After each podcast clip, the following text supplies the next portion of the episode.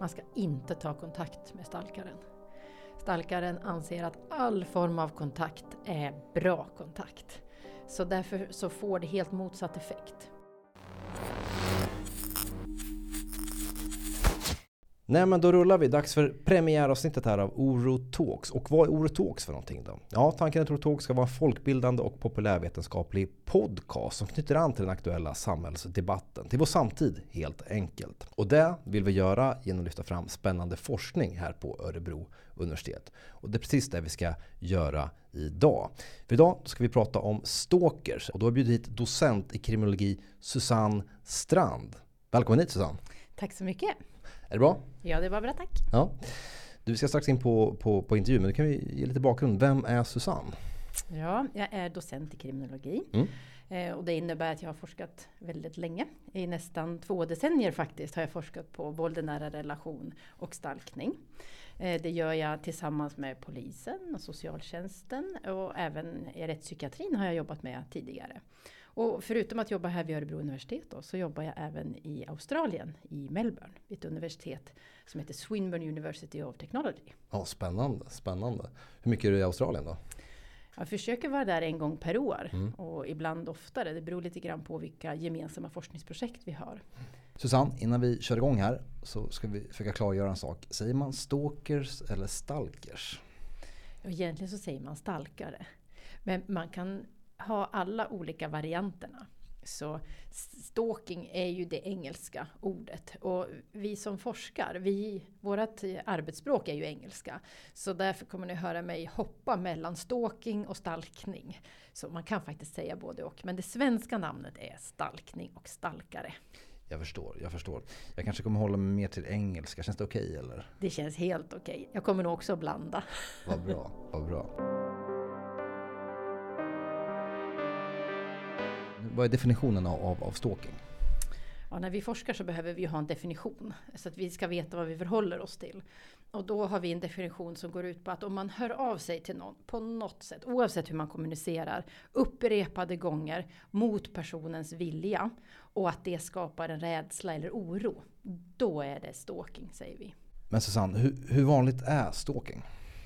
Ja, den forskning som finns visar på att eh, ungefär 10% i västvärlden, eller 10-15% beroende på hur undersökningarna är gjorda.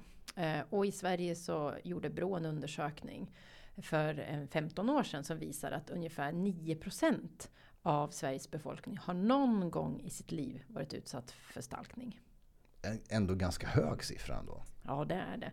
Man tänker att det är nästan var tionde person som har varit utsatt för den här typen av beteende någon gång. Så det är en hög siffra. Och förhoppningsvis så, så kanske man också förstår att en del av de här fallen, en del i ganska kort tid, men en del utvecklas över längre tid. Och då behöver vi ha en större förståelse för de utsatta. Mm.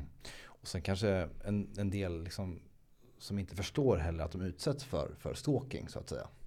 Ja, men så kan det vara. Och att det är först när det sker ett våldsbrott eller ett hot som det blir aktuellt att göra en polisanmälan. Man har inte riktigt förstått att de här trakasserierna eller de här hoten faktiskt är stalkning. Så vi pratar lite grann idag om hot, trakasserier och stalkning för att visa att de här hänger ihop. De behöver inte alltid, hot behöver inte alltid vara stalkning. Men man kan se att hot och trakasserier är en stor del av stalkningen. Ja, jag förstår. Jag förstår. Och det finns ny lagstiftning om det här sedan 2011 eller? Ja, det stämmer. Nu börjar den ju bli ganska gammal, men vi kallar den fortfarande för ny. Och vad, vad innebär den lagstiftningen så att säga? Den lagstiftning som vi har i Sverige som kallas för olaga förföljelse. Den innebär att eh, man sätter ihop en mängd brott till ett. Mm. Eh, så det kan innebära att stalkaren har ofredat, hotat och i vissa fall även eh, använt våld. Då sätter man ihop dem till ett brott och kallar det för olaga förföljelse. För vi tycker att det är verkligen jättedåligt att man har gjort det en gång. Men har man gjort det flera gånger, då är det ännu värre. Och då ska man straffas i högre utsträckning än för det enskilda brottet. Så det är det som är poängen med den lagen. Du, ska vi gå in och prata lite om de fem stalkertyperna?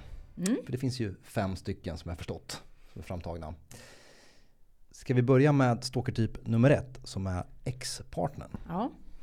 Eh, mina kollegor i Melbourne eh, och då professor Paul Mullen tog fram den här typologin för att vi lättare ska förstå stalkare. Och den vanligaste stalkaren, det är den för detta partnern.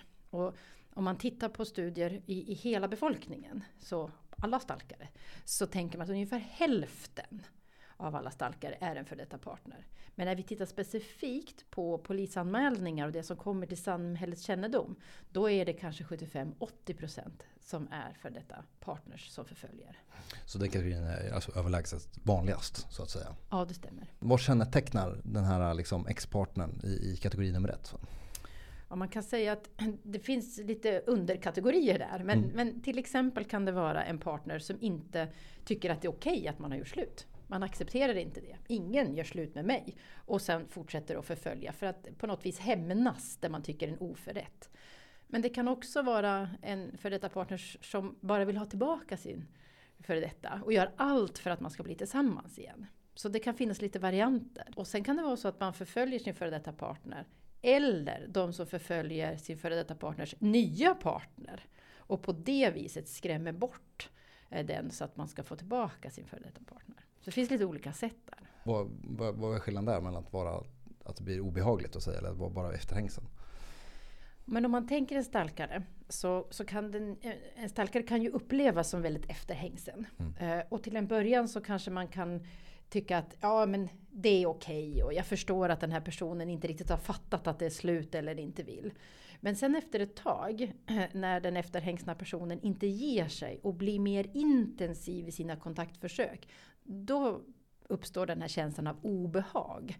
Hmm, vad kan de hitta på nu? Vad händer nu? Så då kommer den här oron och obehaget som sen blir rädsla. Men från början kanske man inte upplever det. Och, och det är ett bekymmer i sig. Att man, det tar för många ganska lång tid innan man förstår oj, det här måste jag göra någonting åt. Men ju, det, det, kan vara lite svårt att avgöra för en del. När blir en före detta partner en stalker då? Och då är det ju så att det kontrollerande beteendet som kanske innebär både hot och trakasserier och att förfölja. När de är tillsammans, då är de ju i en relation där den utsatta har sagt ja till relationen. Den utsatta har, har, naturligtvis inte sagt ja till våldet, absolut inte. Utan man vill ha en relation utan våld. Men det är just det att då, då kallar vi det för partnervåld. Då kallar vi det inte för stalking. För som ni kommer ihåg, definitionen handlade ju om att man måste säga nej. Så när de gör slut, då övergår det här beteendet, som vi kallade för våld i nära relation, då övergår det till stalkning. För då har man sagt nej till relationen. Du, vi hoppar vidare till stalkertyp nummer två och det är den närhetssökande. Ja, och den närhetssökande handlar om personer som vill vara nära någon. Det kan vara att man vill ha en bästa kompis men som inte vill vara bästa kompis med en. Och man kanske inte förstår eh, hur den här relationen har utvecklats. Eh, sen kan det vara de som förföljer inom hälso och sjukvården. Att man inte kanske förstår att psykologen är inte min bästa kompis. Även om vi diskuterar många saker och så. Utan man förstår inte den där professionella rollen som eh, man, man, har när man jobbar i hälso och sjukvården. Så därför ser vi en ökad risk för den typen av utsatthet när det gäller olika yrken till exempel. Okay. Men det finns också i den här kategorin de som blir eh, förälskade i en kändis och upplever att man har ett förhållande. De finns också i den här närhetssökande kategorin. Okej, okay, okej. Okay. Och det finns en del kända, kända fall av det. Så att säga. Men, kanske inte, men hur vanligt är den här närhetssökande kategorin så att säga? Vi vet att den vanligaste är ju då den för detta partnern. Men däremot så är det lite svårare att skilja på hur vanlig de andra kategorierna är mellan varandra. Så att jag får säga att den är relativt vanlig. Jag förstår, jag förstår. Och sen kategori nummer tre, den socialt inkompetente. Ja, det är en kategori av starkare där det handlar om att man inte förstår att man inte har en relation. Det kan vara en vänskapsrelation eller en kärleksrelation. Och om det är så att eh, till exempel en person eh, går och handlar och upplever att eh, kassörskan ler mot mig och då har vi ett förhållande. Förstår inte den här personen att hon ler till alla. Och, och då kan det bli väldigt obehagligt om det då stalkaren står utanför jobbet och väntar med blommor till exempel. Ehm, den här kategorin av stalkare kan vara lite lättare att eh, få att sluta utifrån att där om man då på sin arbetsplats pratar med chefen som kommer och säger det här är inte okej. Okay, så kan det vara lättare att förstå just utifrån att man har missförstått en del av de olika signaler som sänds. Mm. Vi är inne på relationer men det, kan också förstås handla om liksom att man, alltså kompisrelationer också. Ja, det kan stämma. Mm. Och att det kan vara svårigheter att förstå de här signalerna då mm. emellan varandra. När det kanske inte finns en vänskapsrelation som man hade önskat att ha. Så eh, skillnaden mellan den närhetssökande och den socialt inkompetente kan vara väldigt diffus ibland. Ja precis, det var, min, det var lite följdfråga. Jag tänkte, ja. ja. men jag förstår, jag förstår. Men vi hoppar vidare till eh, kategori nummer fyra och det är hämnaren. Mm. Och hämnaren är en person som upplever en oförrätt. Eh, och då ska man hämnas. Och man ska hämnas ordentligt. Så att den personen, då, den utsatte, verkligen ska förstå vad hemskt man har gjort. och, och den här personen kan fortgå under väldigt lång tid. Och när man till exempel stalkar en myndighet, då kan det vara som så att stalkaren är arg för ett beslut som är taget och vägrar att acceptera att det är så. Och när de här konflikterna fortgår i 5, 10, kanske 15 år så har man glömt grundkonflikten egentligen. Utan det utvecklas nya hela tiden. Mm. Och då är det stalkaren som vill hämnas. Eh, och att man då upplever att man, man får inte liksom rätt i det som har gjorts oförrätt. Så den här kränkningen, det är den som ligger till grunden för just den typen av stalkare. Mm. Och det här är ganska vanligt har jag förstått. Ja, det skulle jag nog säga att det, det är mer vanligt än, än de andra typerna då i kategorin där det inte är en för detta partner. Men när du beskriver delar av det här, då tänker jag på en person som kanske kallas för liksom rättshaverist. Och till viss del så kan man väl säga att en, en, person som man kallar för rättshaverist är en form av stalkare. Men jag tycker man ska vara lite medveten om det där ordet, att det, det, det, kan vara lätt att slänga sig med.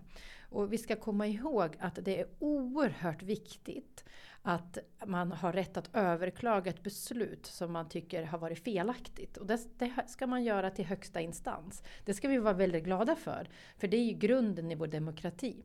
Men när man kommer till högsta instans och inte accepterar det utslaget och fortsätter. Mm. Det är då vi börjar prata om stalkare.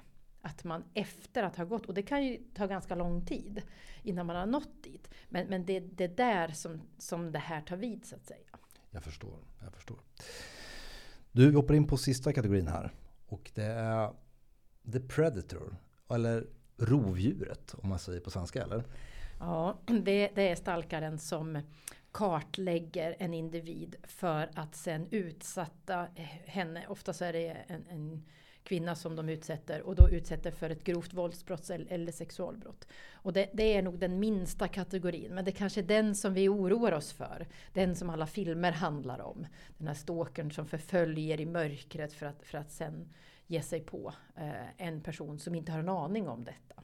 Eh, och de finns ju naturligtvis, men som sagt i, i mindre utsträckning. Mm. Ja precis, väl det kanske den som man tänker på när man liksom hör stalkers ofta. Så att det är liksom det är lite kanske en Hollywoodbild av stalkers också i viss, viss mån. Fast de finns ju förstås ja. på, på, på riktigt. Ja men superspännande. Jag tänkte gå in på lite varningstecken på stalking. Mm. Kan du nämna några? När ska man vara liksom beredd att anmäla så att säga? Om man blir utsatt och förföljd så handlar det väldigt mycket om dels att eh, när man börjar känna oro. Att dels så ska man ju ha varit noga med att sagt nej till den som förföljer. Jag vill inte ha någon mer kontakt med dig. Och om det sen fortsätter eh, och man känner ett obehag, då ska man anmäla till polisen om man blir utsatt för ofredande, olaga hot. Att man ska känna att man kan göra det.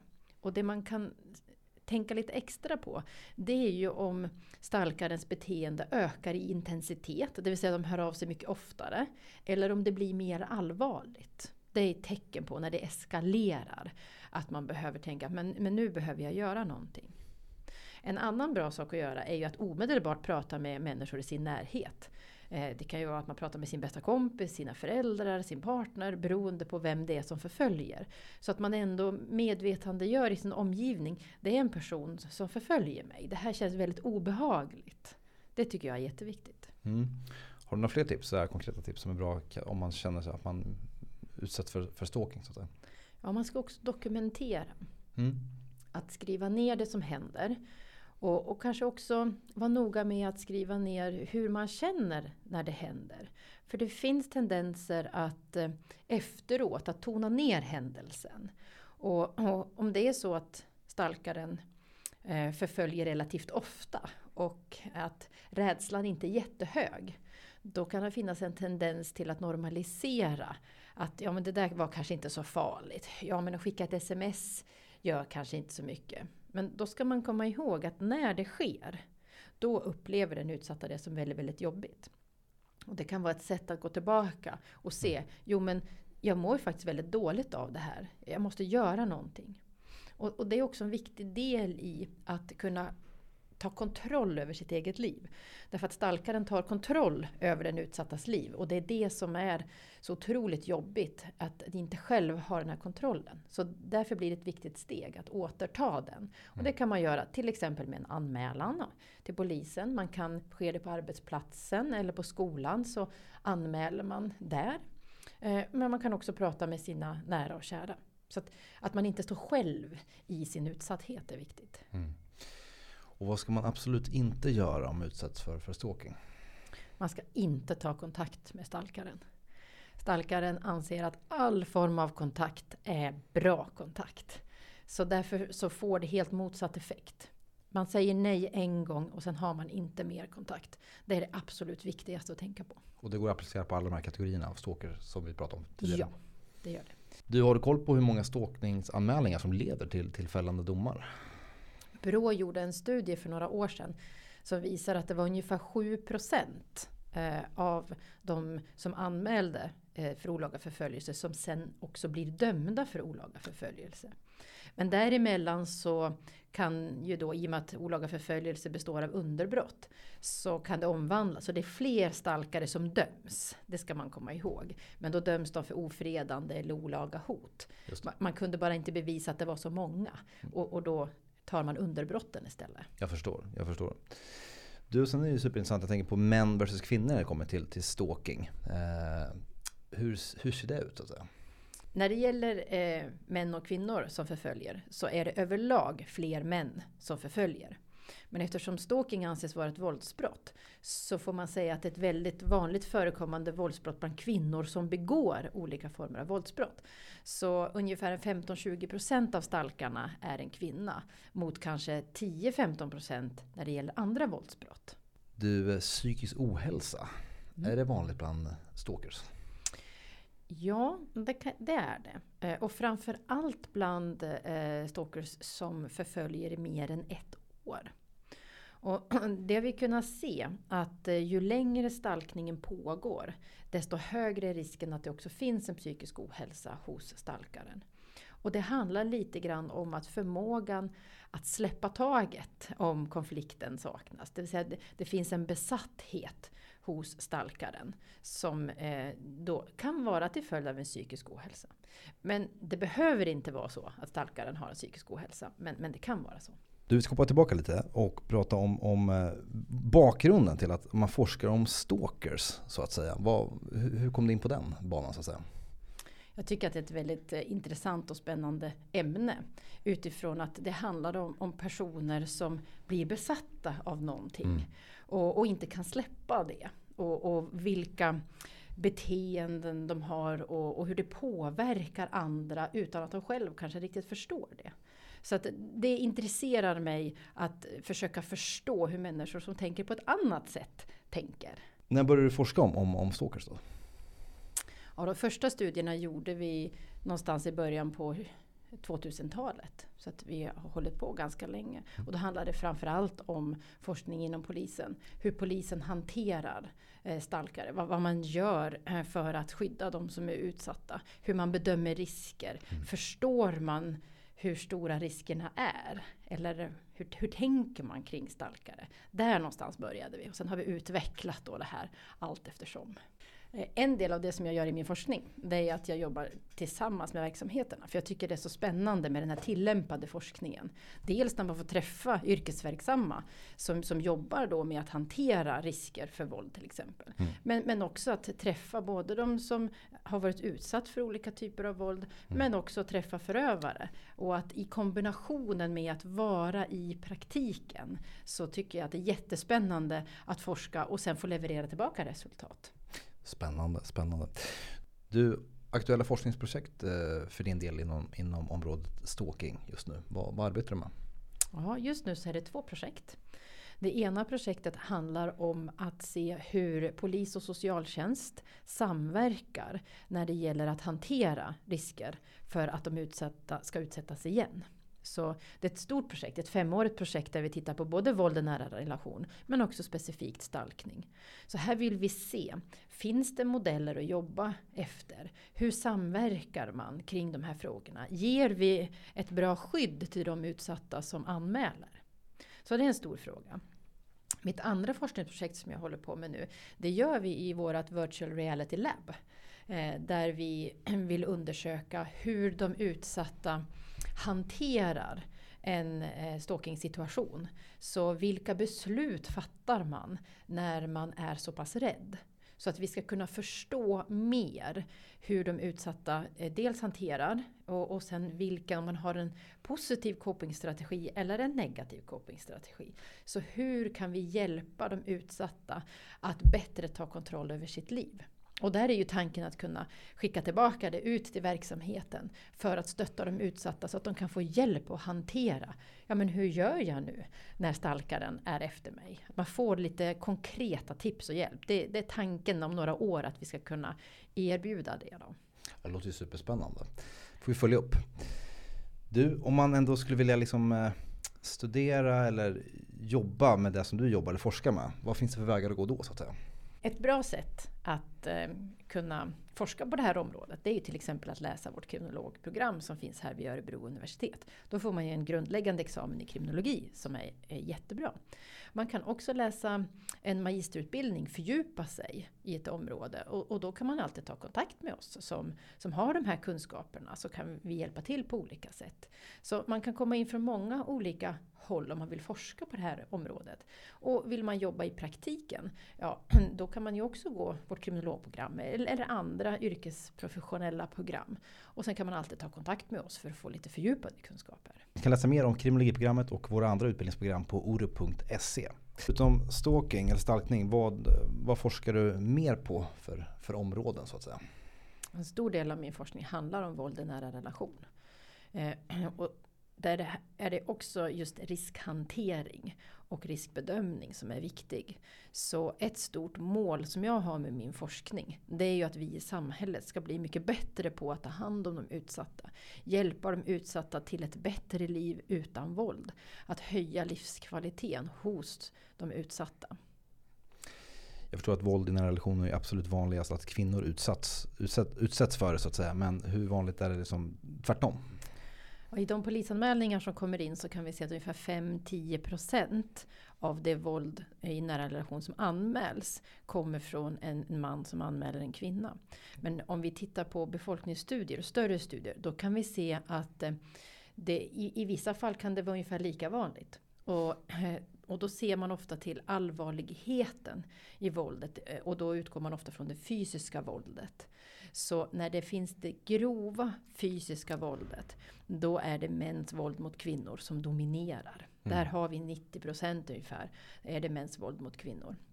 Medan när det gäller det psykologiska våldet, då är det mer vanligt i båda grupperna. Mm. Så Brå visade i en studie som de gjorde för några år sedan att under ett år så var det ungefär lika många män och kvinnor som utsattes för våld i nära relation, ungefär 7 procent. Däremot så skiljer det sig då i allvarligheten av våldet. Så, så det behöver man ha i åtanke. Susanne, superkul att du ville vara med här i Orotalks och prata om din superspännande forskning. Tack själv, tack för att jag fick vara med. Ha det bra, på återseende. Hej då!